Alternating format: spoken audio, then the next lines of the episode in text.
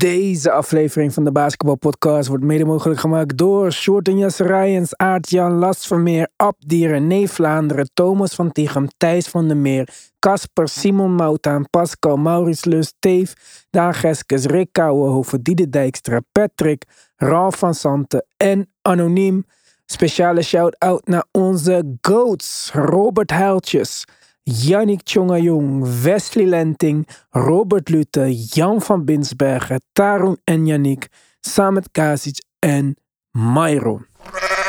We zijn op Apple Podcast, we zijn op Spotify, we zijn natuurlijk overal. Maar we zijn zeker ook op Petje Af, extra afleveringen, toegang tot de groupchat, join the family, support the movement. Let's go!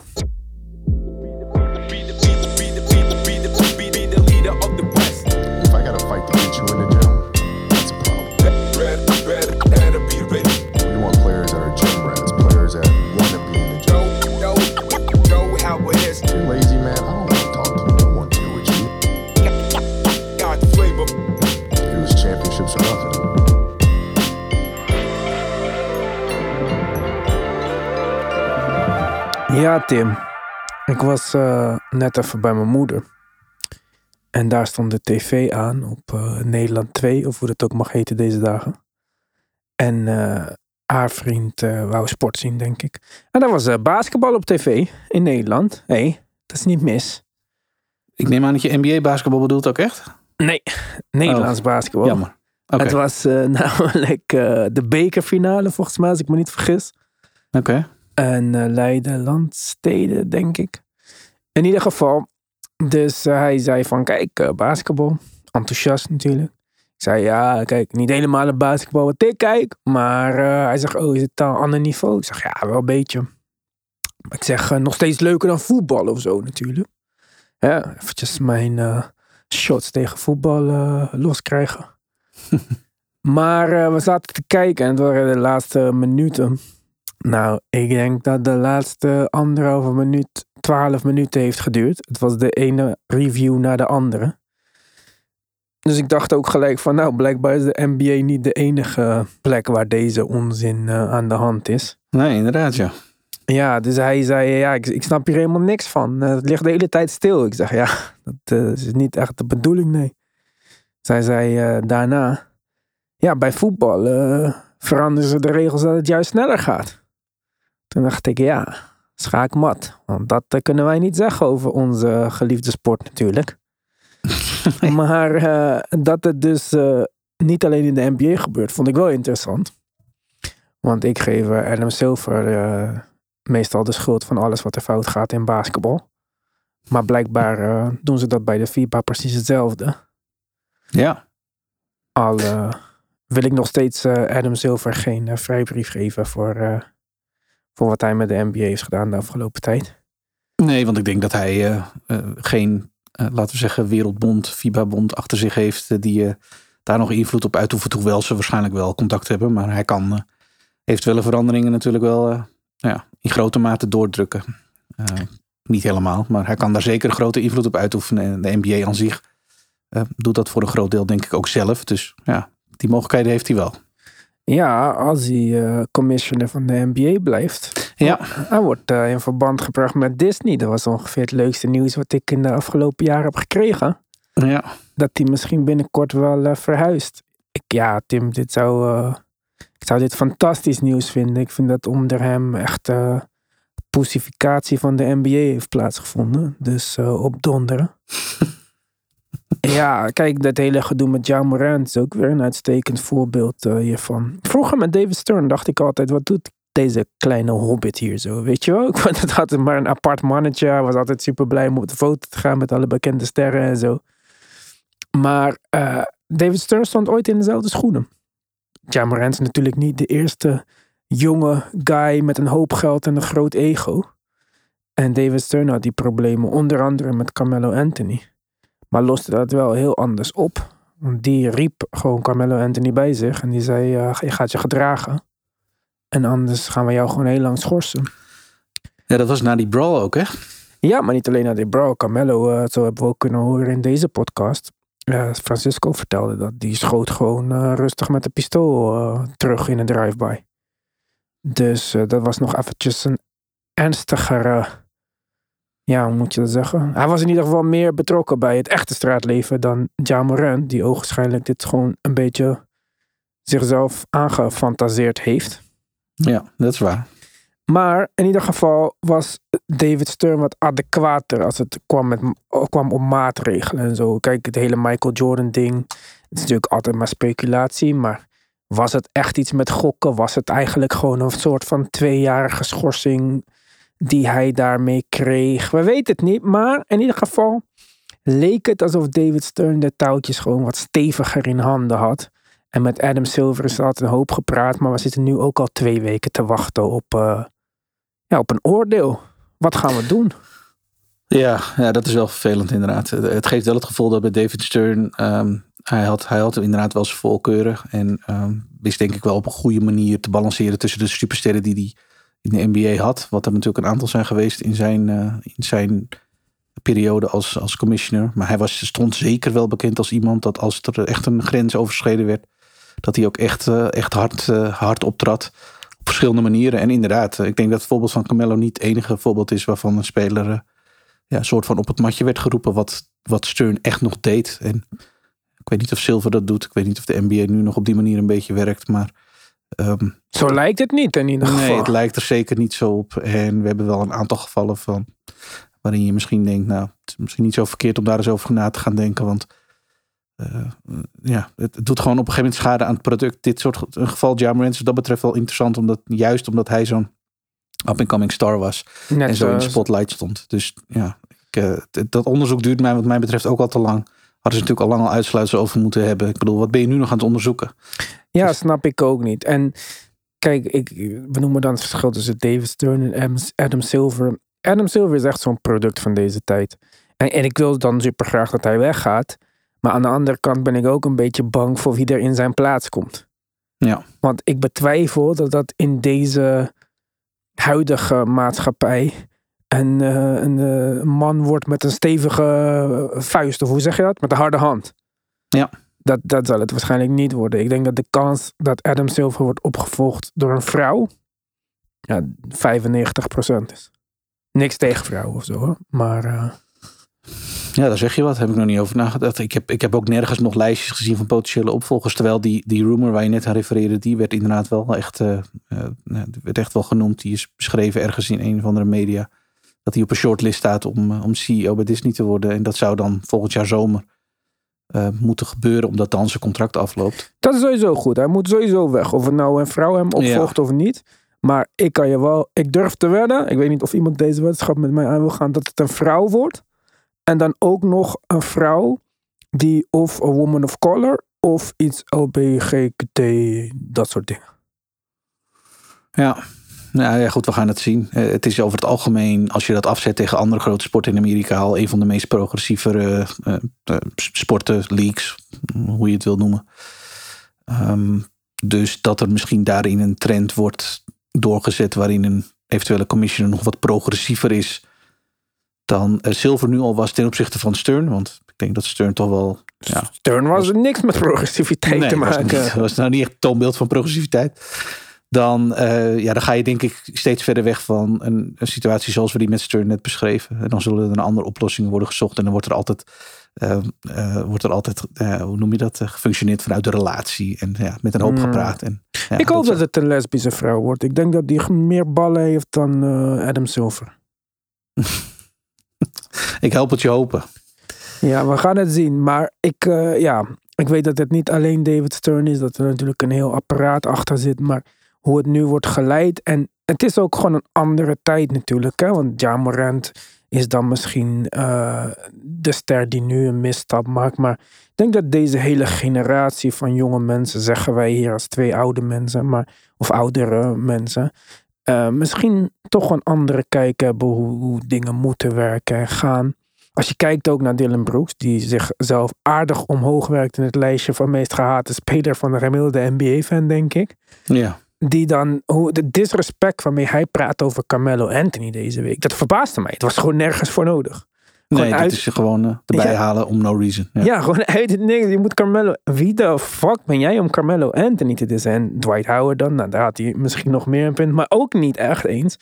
Het was gewoon niet nodig. En kijk, het is heel typerend voor de Memphis Grizzlies. We hebben het al eerder gezegd van een leuk, jong, hongerig team naar een beide hand team. En als dat beide handen dan een soort van overslaat in een ja, verwend team.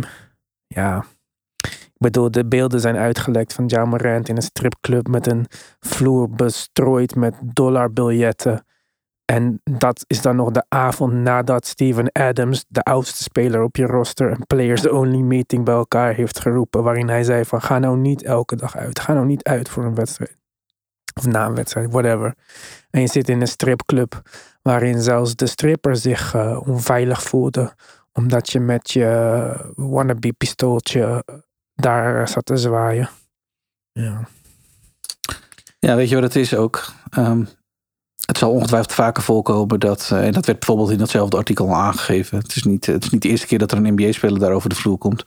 En dat zal ongetwijfeld eh, op, op heel veel plekken gebeuren. Maar het grote verschil vind ik dat je zo'n ongelofelijke idioot bent, dat je dat gaat lopen streamen en de hele wereld daarmee van laat genieten. En ik denk dat er een verschil is eh, van tijd waarin, waarin je daar nog wel mee wegkwam. Omdat eh, er waren geen mobieltjes om dat, eh, de, de wereld mee in te slingeren. En dus bleef dat allemaal redelijk achter gesloten deuren. Want dan hou je een soort systeem in stand waarin Ja. je weet... Nou, natuurlijk gaan de spelers wel eens een keer los als ze de hele tijd onder spanning staan.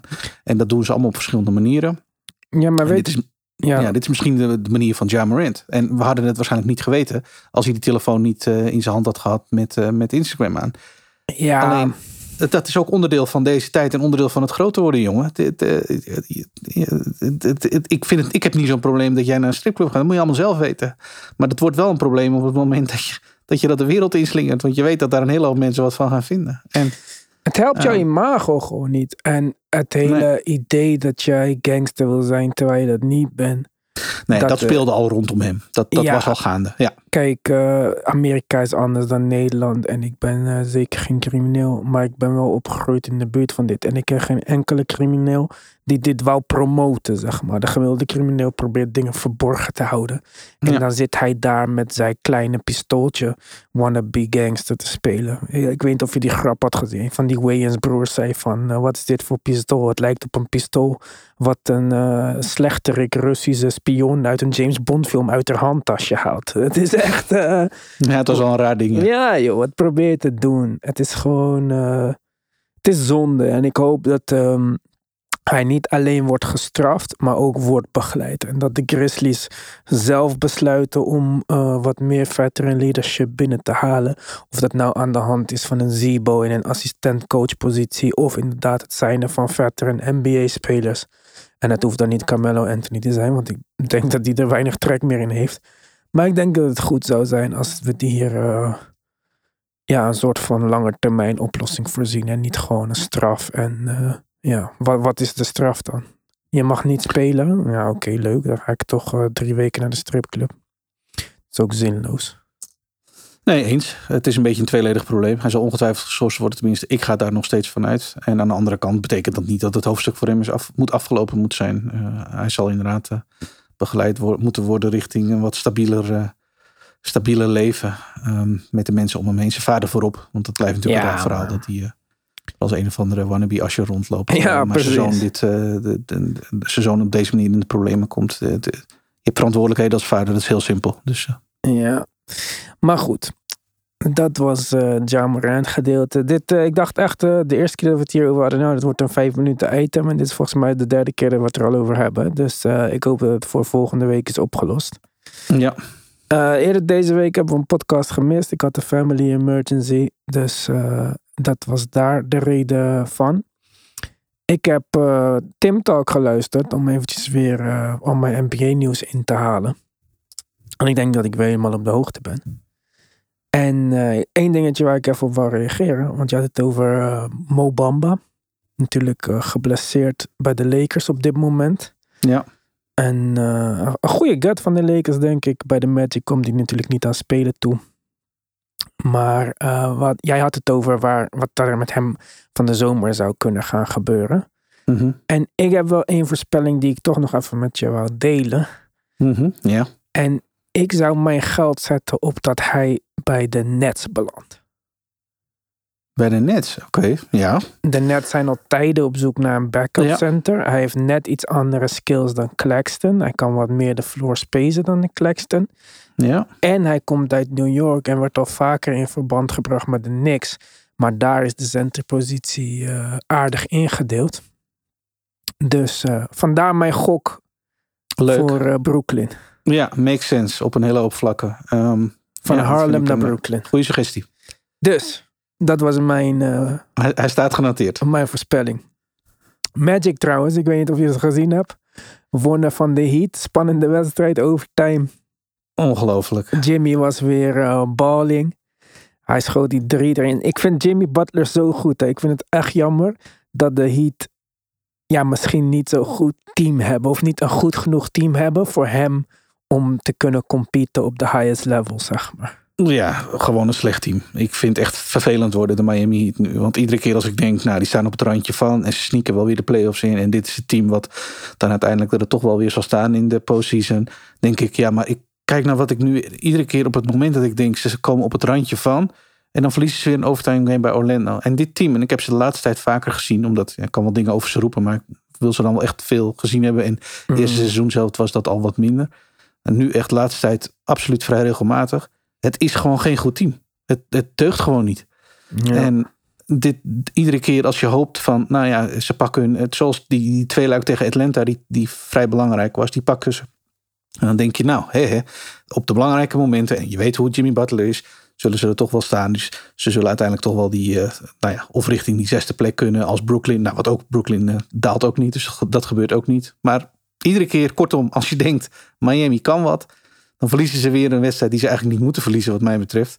En als je dat dan ziet, als je ze dan ziet spelen, denk je ook, ja, dit, ik zie hier geen team in dat, nou, in mijn geval zelfs één playoff serie wint. Laat staan twee. Dus Ja, want dat is het een beetje. We wisten al vanaf het begin af aan dat het niet het beste team op de planeet is. Alleen we dachten dat kan playoff time, dat zij er wel zouden staan, zeg maar. ja, En dat is waar we misschien nu ook een beetje achter komen. Dat simpelweg daar de spelers niet voor zijn om dat voor elkaar te kunnen krijgen. nee, ik vond al een zwaktebod dat Kevin Love daar binnengehaald werd en meteen starten. Ja, Dat- zwakte bot. Ik weet niet of dat het goede woord is. Een buy-out speler die je meteen laat starten, dat is toch, dat is toch, dat is toch geen goed teken. Misschien niet. Misschien is dat, eh, heb je daar gelijk in. Ik zag het niet per se zo. Ik dacht meer van, ja, nou ja, oké. Ik wist dat hij, ik bedoel, ik snapte de move volledig, want ze hadden het hard nodig. Alleen als het dan zover komt dat hij startte, want dat, die noodzaak zag ik dan niet per se, maar wel dat hij een, een, een goede plek in de rotatie zou krijgen, dat was duidelijk. Dan denk ik, ja, Miami, dit, dit, dit, gaat je echt geen, eh, geen grote verandering opleveren die, die bepaalt dat jullie nu straks wel wat kunnen doen in postseason waar het eerder niet kon. En ja, het, is, het wordt frustrerend voor Jimmy, dat denk ik vooral. Ik ga vooral nu kijken naar wat, ja, we kennen de historie met Jimmy. En als dit weer geen wonderen gaat opleveren, want inmiddels hebben ze dat wel min of meer nodig, denk ik, om, om iets van dit seizoen te kunnen maken in de postseason. Mm. Ja, dan heeft hij toch lang genoeg geprobeerd. Wat, wat, wat, dan moet Miami toch echt iets anders gaan doen. Ja, misschien wel. Maar ja, ik weet ook niet hoeveel eh, opties er overblijven voor Jimmy. Ik bedoel, eh, het leek even de goede kant op te gaan natuurlijk in Miami. En misschien hebben ze dit jaar een beetje ja, de bal laten vallen, zeg maar. En niet adequaat gehandeld. Niet bij de trade deadline en niet in de offseason. Maar ehm, ja, het is ook moeilijk om een speler als Jimmy bij een ander team te zetten. En dat je denkt van nou, dat gaat werken. We dachten ook dat het zou gaan werken bij eh, de Timberwolves.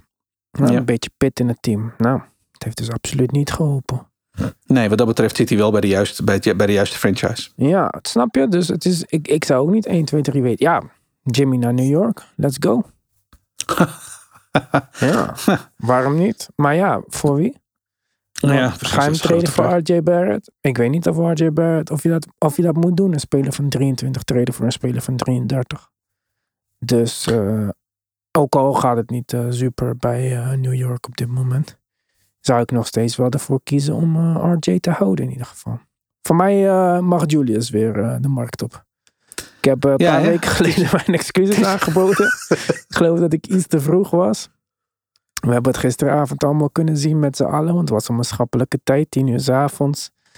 Tegen, eh, tegen wie speelden ze nou? Ik ben het nu alweer vergeten. Clippers toch? Oh ja, tegen de Clippers natuurlijk. En eh, ja, het was weer een complete meltdown van eh, Julius Randle. Ja, deze heeft, dat is gewoon, dit is gewoon zijn schuld geweest. Ja, maar dit is altijd hoe het gaat. Ja, ja De- maar deze, de- deze, deze zou ik echt gewoon op hem willen. Ik bedoel, het, dat doe je in principe natuurlijk niet zo heel gauw. Maar jongen, jongen, jongen. Verschrikkelijk te erg aan die gozer. Dat is echt niet te geloven. En een teamgenoot ook maar, die, hij blijft die bal maar in zijn handen krijgen. Ik snap niet wat het... Wat, ja. ik snap wel waarom natuurlijk. Want eh, er zijn ook momenten dat hij het eh, dit seizoen va- vaker dan eens wel goed deed. Maar Ja, in die clutchmomenten niet echt hoor. En nee, nee. kijk, zelfs met, eh, met Boston, waar we het over hadden een tijdje geleden. Oké, dat Jason Tatum die bal gaat schieten, betekent niet dat hij hem de hele shotklok in zijn handen hoeft te hebben. Ik snap niet waar dit idee vandaan is gekomen. Michael Jordan had dat ook niet altijd. Kobe ook niet altijd. Eh, een beetje balmovement om een soort van verrassingsoptie, of in ieder geval een plan B op, de, op te kunnen tekenen. Ja, is, is dat zo verkeerd? Julius Randle, Ja. Julius Randle, hij is, kijk, hij heeft ook momenten gehad dit seizoen dat hij gewoon special was en dat hij bijna onstopbaar leek. Hij leek bij, bijna een soort van Zion of zo, weet je. Hij is super sterk. Hij is undersized als hij tegen grote spelers speelt. Hij is veel te sterk als hij tegen kleine spelers speelt. Maar zijn beslissingsneemvermogen, beslissing neem, weet ik veel, dat het is gewoon niet goed genoeg. En helemaal niet op dit soort momenten. En daarom was die toevoeging van Jalen Brunson zo belangrijk. Die, ja, dat is misschien zijn grootste kwaliteit. Nemen van goede beslissingen. En eh, die ontbreekt de laatste wedstrijden. En de Knicks zijn eh, omgeslagen van een team waar iedereen bang voor is. Naar dat team waar niemand bang voor hoeft te zijn. Ja. En dat gaat Ja, dan heel kunnen, snel. kunnen zich aan de hand van Randall, want nogmaals, we moeten wel inderdaad wel aantekenen dat Brunson er nu niet bij was. En dat is wel een belangrijk verschil met de situatie waarin hij eventueel wel op het veld staat. Maar in dit soort wedstrijden, en als Randall de, de enige van de twee is die er is, dan kan hij zichzelf en daarmee de niks echt uit de wedstrijd spelen. En dat vind ik zo'n vervelende eigenschap. Het kan goed gaan, het kan slecht gaan. Ik zal echt niet zeggen dat je elke wedstrijd fantastisch moet zijn. Maar als dat niet zo is, leer dat dan ook gewoon zien. En zorg dan dat je met al jouw eh, gevaar, want dat heeft hij als eh, nummer één optie op dat team, heeft hij dat natuurlijk wel. Dat je je teamgenoten wat meer in stelling gaat brengen. Maar schiet niet, blijf niet maar doorgaan, eh, volharden in, in dingen die niet lukken. Dat, dat vind ik bij hem altijd zo ver- vervelend om te zien. Ja, en dat, eh, daar is hij expert in. En nou spelen de rest van de Knicks ook niet echt goed de laatste wedstrijden. In de wedstrijd tegen de Kings was het ook weer duidelijk. Ze schoten gewoon ander level slecht. Ze kregen eindeloos tweede kansen. Ik denk dat, ik weet niet, het reboundverschil was zo groot. Het was volgens mij 58 om, 2, ja, 58 om 42. De Knicks hadden 23 aanvallende rebounds. Nou, dat is echt extreem. Dat is echt, ja, dat is echt heel veel. Ja. Ja, maar het waren eigenlijk alleen tweede kansen om weer een schot te missen. Ja. schoten 13 uit 50 van 3. RJ Barrett 1 uit 8. Julius Randle 2 uit 12. Ja, Quickly 1 uit 8. Toppin 1 uit 5. Ja, dat Ja. kan gewoon niet. En Nee, op zo'n avond wordt winnen wel heel moeilijk. Ja. ja, en dan ga je je toch een beetje afvragen van oké, waren... Kijk, ik was enthousiast over de Knicks.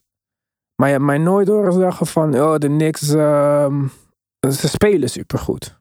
Het is leuk en het was leuk om te zien. Ik dacht, oké, het is een tough team en ze grinden wel sommige winst eruit en zo. Maar nu begin ik toch weer te twijfelen. Was het niet gewoon een hot shooting streak, zeg maar? En het duurde wel lang dan toch? Ja, daarom zeg ik van. Ja, ik zeg niet dat alles gelijk in het water eh, hoeft. Maar het lijkt er ook niet op alsof het echt iets sustainables was. Want anders verlies je niet drie wedstrijden achter elkaar op dezelfde manier, zeg maar. En ze hebben ook gewonnen zonder Jalen Brunson. Dus dat wil niet direct iets zeggen. Ze wonnen van Boston zonder Jalen Brunson. Ja. Ja, dat zal wel een interessante vraag worden nu. Nu drie op rij verloren. En eh, ja, moeilijke LA-trip natuurlijk. Sowieso. Deze dagen is dat geen, eh, geen cakewalk meer. Zoals dat misschien aan het begin van het seizoen wel was. Ja, precies. En eh, Julius is net op tijd in playoff vorm. En dat bedoel ik dan sarcastisch. Ja. Want dit is natuurlijk een beetje wat we van hem zagen in de playoffs. En ja. Ja, het is, eh, het is niet, eh, niet makkelijk om eh, niks fan te zijn. dat, dat zeker niet. Nee. maar ja, je zei het al. het is niet, niet meer zo makkelijk om in LA te spelen.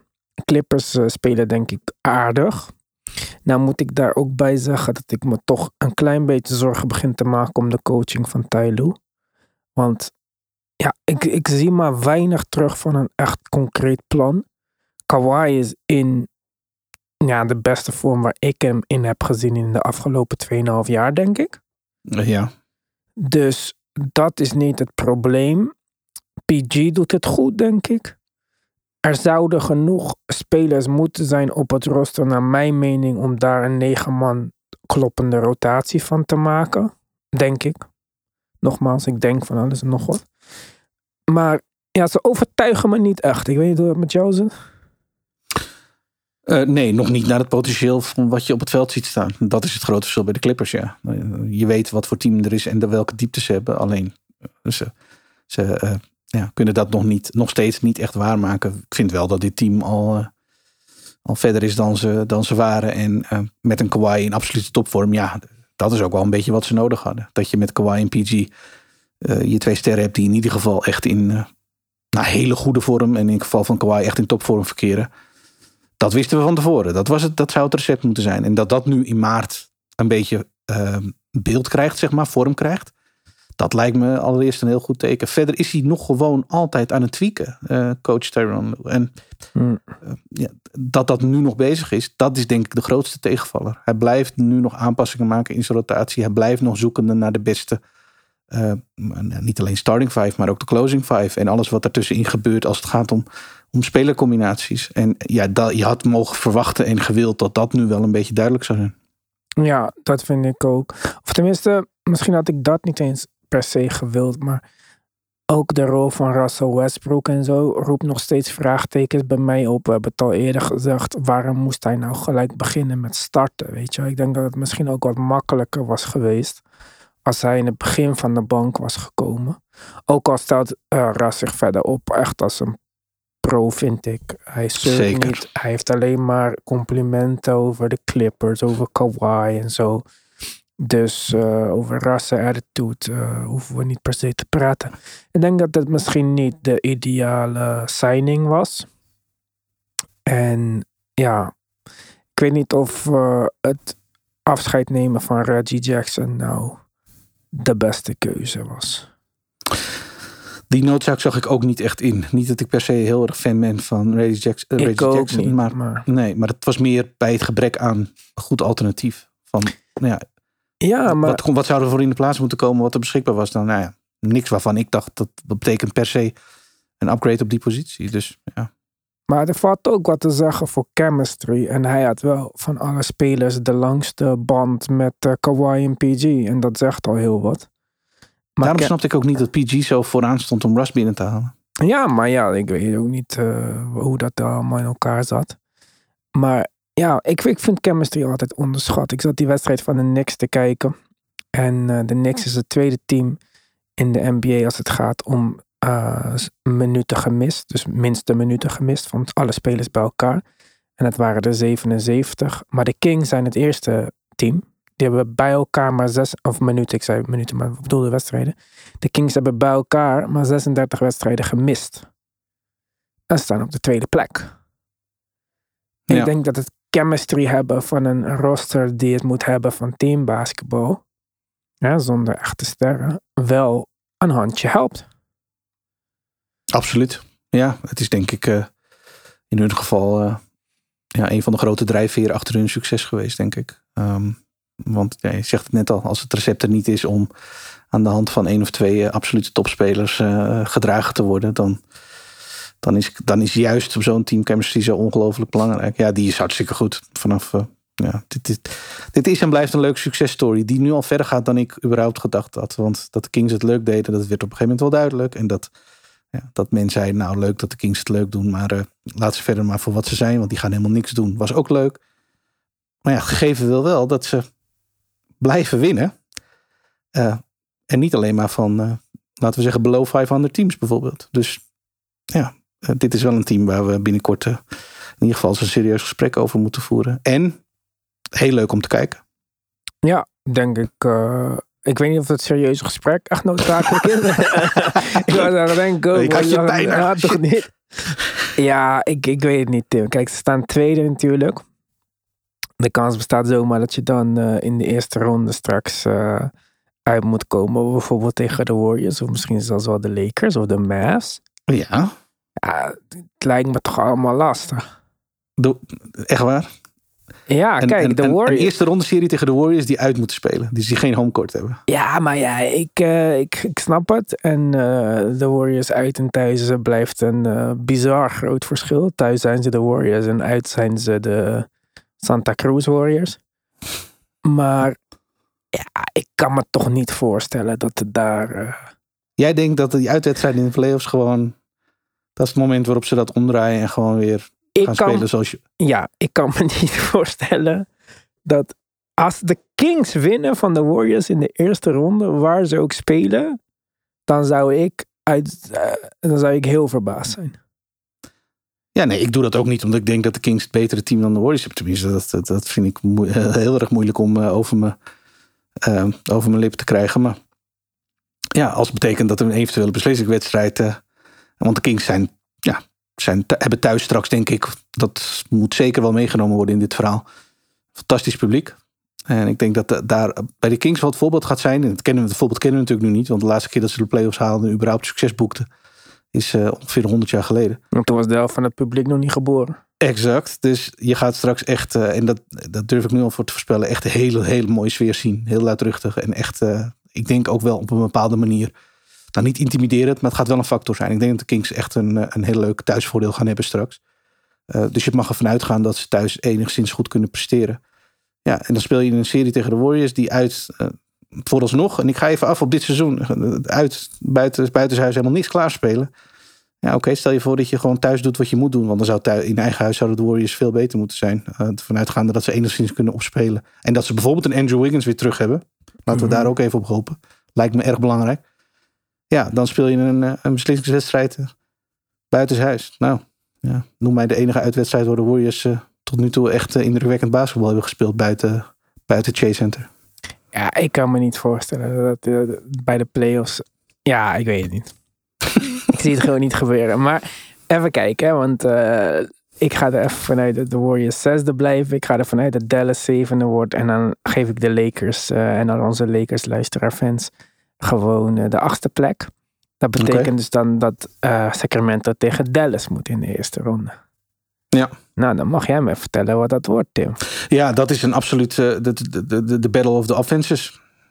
Um, en de, we gaan even vanuit dat uh, Luca en Kyrie natuurlijk gewoon weer terug zijn dan. Wat verder. Ja, dat logisch. durven ze wel. Volgens Dylan Brooks durven ze alleen niet in fysieke wedstrijden te spelen. Ja, oh, wat een gozer, echt waar. Ja. Uh, um, dan krijg je dus, uh, ja, dat, dat, dit wordt uh, de, de 145 tegen 144 wedstrijd. Uh, Oké, okay, maar wie wint het? Wat wordt de 7 game serie? Wat denk je? Ja, ja, dit moet Dallas wel, dit moet Dallas wel kunnen winnen. Ja. Kijk, de Kings ik heb, spelen ik heb liever voor zo'n, uh... Ik heb liever zo'n tegenstander voor Dallas dan, dan een tegenstander die echt goed kan verdedigen. Waarvan je verdediging moet. Want dat, dat vind ik. Uh, aan de andere kant zou je kunnen zeggen: ja, Dallas verdediging is ongeveer uh, niks zeggend. En als je dus heel veel tegenkrijgt, kun je. Ja, het is, het, het is maar van welke kant je het bekijkt. Ja, de Kings, ik geef Dallas wel een, wel een kans tegen Sacramento. De Kings moeten wel die Divats pick nog uh, recht spelen natuurlijk. Hè? Als zij uh, ja. Dallas verslaan in de eerste ronde, dan um, boeide het toch allemaal niet zoveel dat ze Bagley over Doncic hebben gedraft. Dus ze zullen dat uh, ongetwijfeld ophalen op het moment dat dat gebeurt. Want het playoffs halen is voor de Kings al één. Laat staan een playoff series winnen. Ja, ja. echt. Maar uh, we noemden net al de Lakers. Die doen het aardig de laatste tijd. Zonder LeBron. LeBron is niet aan het spelen, maar hij is wel actief op Twitter. Daar twitterde hij heel uh, grappig dat hij League Pass had te kijken. En dat Bronny Loki of zo al beter was dan heel veel spelers waarnaar hij aan het kijken was. Ja, dat lijkt mij niet een nodige tweet. En eh, ik, ja, ik weet niet, ik vind het ook veel druk op je zoon zetten. En Ja. eh, dat was ook een beetje voorbarig. Want eh, volgens mij een dag later al werd Bronny's eh, high school carrière beëindigd. Hij verloor daar voordat ze überhaupt om de titel konden gaan spelen. Van, eh, Oké. Ja, kijk, ik ben op de hoogte van deze dagen van alle basketballen. hè? Zeker weten. High school basketbal in LA. Sowieso, ik volg alles. Nederlands Cup basketbal. Maar hij verloor ook nog eens een keer van de zoon van Master P. Oh, Mercy Miller dropte 18 punten in een playoff win. Dus eh, ja, Master P, geinig. Ja. dat was het einde van Bronny James' high school carrière en het einde van Sierra Canyon. Maar eh, ja, het ziet er goed uit voor de Lakers, denk ik. Ik denk dat de hoop van de spelers die ze hebben gesigned, sinds ze Vanderbilt hebben gesigned, hebben ze volgens mij de beste defense in de NBA. D'Lo is terug en liet gelijk weer van zich spreken. AD heeft al een paar wedstrijden achter elkaar gespeeld. Dus ehm, ik ben benieuwd wat deze Lakers heen kunnen gaan. ja, zeker. Dit, eh, dit lijkt een team wat ja, eh, weer een beetje logisch is. Wat weer een team lijkt. En ja, dit bewijst nog maar eens hoe goed die moves in voor de trade deadline, rond de trade deadline zijn geweest. Want ik denk eh, dat dat eh, ja, hun eh, bijna nieuw, een, een bijna nieuwe identiteit gegeven heeft. Dit team is echt anders dan dat team dat we in, in eerder dit seizoen zagen spelen. En ja, het levert ook meteen resultaat op. Credits, absoluut. Ja, en kijk, ik zei het in de groupchat. Daar kreeg ik niet de reactie die ik had gehoopt. Maar wat nou als de Lakers dit hele seizoen hadden gespeeld voor eh, de playoffs. In plaats van voor LeBron's scoring record verbreken voor de All-Star Game. Of voor de trade deadline. Kijk, daar hadden ze misschien eerder wat Ja. aanpassingen kunnen maken. En dan hadden ze misschien homecourt advantage kunnen hebben in de playoffs. Ja, ja want het blijft inderdaad wel ehm, een, het blijft een, een uitdagende positie waarin je verkeert. En dat ze de playoffs kunnen halen wordt inmiddels wel duidelijk. Ik denk dat ze daar ook wel echt, eh, echt aanspraak op maken. Als je er kijkt naar waar ze nu staan in de standings en de teams die om zich heen staan, dan, dan zou ik de Lakers daar absoluut wel, eh, wel voor nomineren. Ehm, aan de andere kant, ja, en dit klinkt misschien een beetje, maar om het een beetje in perspectief te zetten. eh, het zijn en blijven 500 teams waar we nu over praten. Ehm, eh, in die regionen bevinden ze zich ook. En ja, je zei het net al. eh, ze staan in een positie van waaruit je jezelf allereerst de play-offs in moet werken. En als, zelfs als dat zo is, eh, ja, moet je beter eh, buitenshuis gaan presteren dan dat je dat in eigen huis doet. Ehm, dat is, is en blijft een uitdaging. Om dan maar niet te spreken wat er gebeurt met dit team op het moment dat LeBron weer terug is. Want daar ben ik eigenlijk vooral benieuwd naar. Ja, Ja, wat, wat verandert dat aan de dynamiek van een team wat heel leuk basketbal speelt nu? Ik vind, dat, ik vind het oprecht een stuk leuker om te kijken dan, dat, dan wat- het was. Waar een team waar LeBron straks terugkomt, en ja, gaat hij zeggen: Ja, ik ben hier weer de 30 punten per wedstrijd scoren. nee, dat denk ik niet. Geef de bal maar weer in mijn handen. Ja, dit is wat hij de rest van het seizoen gedaan heeft. Ja, maar om een reden, toch? Ja, voorzie je dat dat nu eh, klaar is en dat hij, eh, wat, Ja. wat gaat hij doen? De Ik- playmaker uithangen en gewoon in Ja. dienst van team spelen? Denk ik. Ik ben echt eh, dat ik nu hier positief over LeBron moet gaan zitten praten en hem Nee, verdedigen. nee, ik ben niet negatief. podcast. Ik ben benieuwd, hoe, hoe, welke vertaalslag maakt hij naar het lezen van een omgeving in plaats van te zijn wie hij is. Want zijn teamgenoten zullen ook naar hem kijken met van ja, je wilt, hij moet de bal in zijn handen hebben, toch? Zijn oude teamgenoten, D'Lo en zo, hebben dat probleem niet, denk ik. Ja. En het Nee, lijkt mij, het, want dan, dan gaat het goed. ja, Ja. het lijkt mij dat eh, LeBron, hij heeft zijn record op zak. Eh, zonder hem zijn ze in een positie gekomen dat ze de playoffs kunnen halen. Kijk, als hij terugkomt en ze zakken weer uit de play-in of zo, dat is ook niet goed voor zijn eh, imago. En dat is toch uiteindelijk waar het hem om gaat. Dus ik denk dat als hij terugkomt, dat hij zal spelen op een manier die de meeste winst als gevolg zou hebben. En dat is denk ik voor hem niet 30 punten per wedstrijd scoren. Of, eh, of ik overschat zijn eh, basketbal IQ. Ja, Maar ik denk dat hij zelf wel zou inzien wat de beste rol is die hij kan aannemen in dat team. En ik denk dat LeBron in die rol gewoon een plus speler is natuurlijk. Ik denk niet dat Tuurlijk, LeBron een ja. game over is. Ik vond alleen dat hoe hij speelde het eerste helft van het seizoen totaal nutteloos. Dus ehm, Nou, dat wordt straks waarschijnlijk ook wel bevestigd als we, als we de situatie in waarin ze, eh, gaan zien waarin hij terug is en eh, dit team dan, even ervan uitgaande wat je net al omschreef, eh, nog beter wordt dan ze al zijn. Want als dat zo is, ja, maar dan de Lakers een serieuze klant in het Westen. ja, maar dan moet hij dat wel een beetje geleidelijk doen. Want anders zien we allemaal dat het tragisch was. Eh. ja, toch? Dat zou wel een schandalig Ja, zijn. Eh, nog één dingetje. En dat is eh, de Portland Trailblazers. Een van de grootste fails van dit seizoen. Ik snap niet hoe je spelers kan halen die bij je team passen. eh, goed kan draften. En alsnog ja, je hele seizoen eh, onbewust eh, in de tank kan gooien. Of onbedoeld in de tank kan gooien. Ja. Wat een dramatisch team is dit zeg. Ik eh, Ja. snap niet waarom Billups daar nog mag blijven. Ik denk dat die eh run ook wel voorbij is. We hebben vaak genoeg in deze podcast gezegd dat het gewoon moeilijk is om een winning team rondom Dame te bouwen. Daar blijf ik bij. Maar ze spelen wel heel erg slecht. En eh, met als hoogtepunt voor mij, ik, ik weet niet, heb je de wedstrijd gezien tegen de Sixers? Was dat de wedstrijd waarin Anthony Simons zo eh losging? Ja, 30 punten had hij of zo, wat was het? Ja, mij dan, was hij net, kwam hij net terug op dat moment. Ja, 10 minuten minder gespeeld dan Dame en 10 meer punten of zo. Maar goed. Oké. Ja. Eh, kijk, ze Die hebben... verloren ze heel krap, hè? Sorry? Die verloren ze heel krap, die wedstrijd. Ja, met de 119, laatste 120 was schot. Ja. En dat, dat is het laatste schot wat ik eh, wil bespreken. Want wie, Oh ja, die winnaar van Embiid. Ja, Sorry. Ja, klopt. Embiid Ja. gaat hem nemen. Kijk, en eh Embiid ging hem nemen en het was gewoon single coverage op Embiid. Ja, ik weet Ja. niet wat je dan hebt gekeken de afgelopen vijf jaar.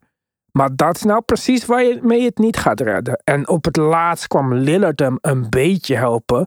Maar hij maakte geen eens echt een goede aanval op de bal of zo. Het was gewoon meer een stap naar hem toe.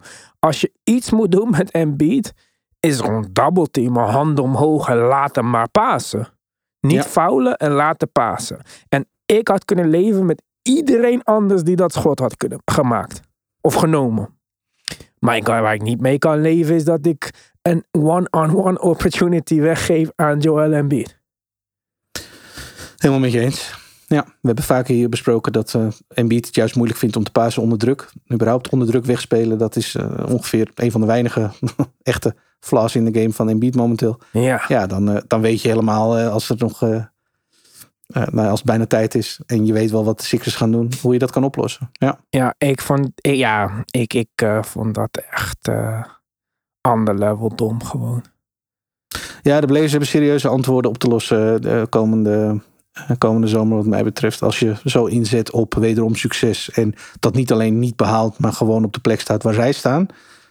Dan heb je echt, ik bedoel, dat, dat kun je ook niet meer uitleggen. Dat, dat, daar valt geen, dus dan moet je gewoon je verlies nemen en zeggen we gaan, we gaan nu wat anders doen. Want het kan niet zo zijn dat je inzet op succes van tevoren, is duidelijk aangegeven. En eh, dat dit dan de conclusie is na, na, na een heel seizoen. Nee, nee dat, als, als Dame kan je dit ook niet goedkeuren. Dit, dit gaat nergens Ja, aan. maar Dame moet ook niet veel zeuren, want eh, het is niet alsof Dame een team beter maakt of zo.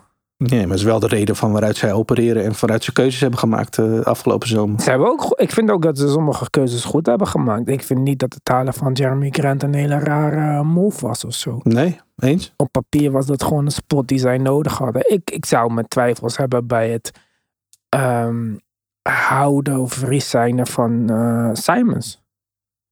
Want ja, we hebben dit hele concept al een keer gezien met eh CJ McCollum. Jaren. En dat heeft niet gewerkt. En je hebt wel George Hart, weg, George Hart weggetraind. Nou, die heb je echt niet weggetraind om alleen Cam Reddish te krijgen. Want die had je ook kunnen krijgen voor een second round pick. Ja. Maar waar, ja, waarom heb je Josh Hart weggetraind? Als ik zie wat Josh Hart doet bij de Knicks, hoeveel hij boven zijn zij speelt, hoe belangrijk zijn rebounds zijn, dan denk ik van, hé, hey, dat had je wel kunnen gebruiken, toch? Ja, en dat deed hij daar in feite ook al. Men in de league zag ook wel van, ja, dit is gewoon een, wijs nuttige speler. Ja, en wat Dus- deed de- Gary Trent daar? Precies hetzelfde. Die treden ze Ja. voor Norman Powell. Die, die treden ze weer. Wa- wat is je plan? Ik, ik snap het niet. Ze blijven alle rotatiepieces voor een backcourt cutten of traden of wegsturen. Om over te blijven met twee undersized guards. Score, fir- score first guard. Ja. Ik snap Ja. het niet. En het werkt wederom niet. Het Dus, werkt eh, wederom niet. Goed, nee. dat werkt niet. Wij werken wel. Dus wij gaan door met werken op Petje Af. Petjeaf.com slash de basketbalpodcast voor extra content, toegang tot de groupchat. Wij zijn er van de week weer. Let's go.